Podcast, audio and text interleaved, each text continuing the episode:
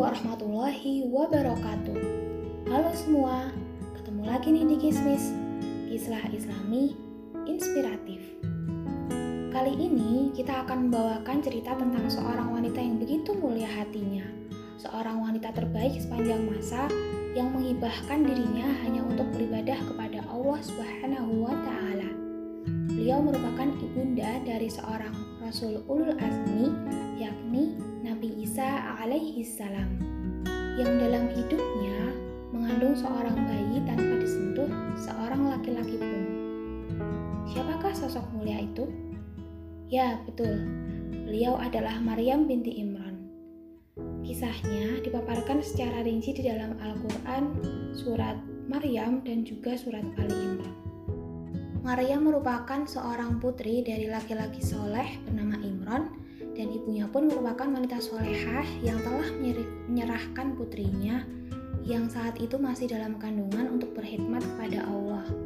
Maryam dilahirkan dalam keadaan yatim karena ayahnya meninggal saat ia masih di dalam kandungan. Maryam kecil hidup dengan ibunya dan ketika berusia 15 tahun, Maryam diasuh oleh Zakaria. Bunda Maryam selalu berdoa agar anaknya jauh dari gangguan syaitan. Bahkan saat Maryam dilahirkan, setan tidak diperkenankan untuk mengganggunya. Saat usia Maryam menginjak 16 tahun, ia selalu berdiam diri untuk beribadah kepada Allah pada suatu tempat yang disebut mihrab. Maryam nyaris tidak pernah keluar dari tempat itu.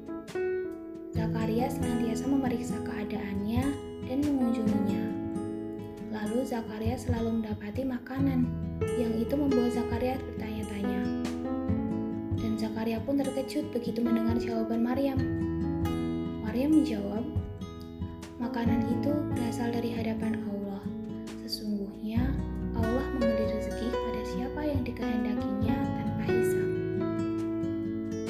Seketika Zakaria berdoa kepada Robnya agar dikaruniai seorang anak walaupun kondisi istrinya mandul.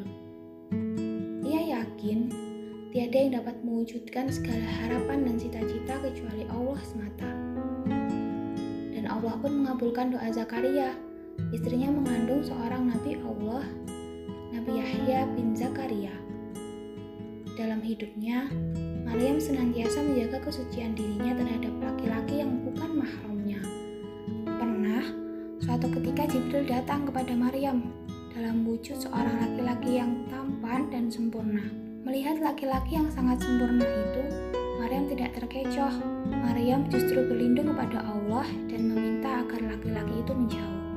Orang-orang Yahudi terus-menerus menuduh Maryam telah melakukan perbuatan zina karena mereka mendapati Maryam bersama bayi dari pria yang meminangnya. Namun Al-Quran dengan tegas menyatakan bahwa Maryam itu suci dan dia adalah seorang wanita yang menjaga kehormatannya.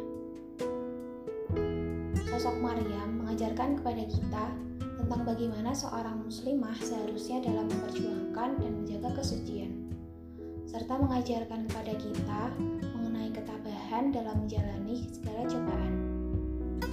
Maryam yang sudah Allah sebut secara langsung sebagai wanita yang terpilih, wanita solihah, dan wanita yang disucikan saja enggan berdekatan dengan laki-laki.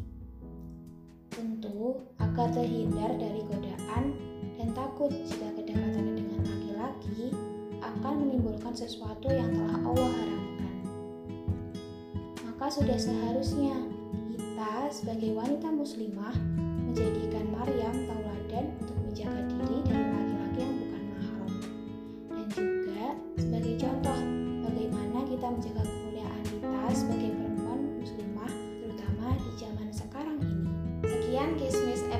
kali ini. Sampai jumpa.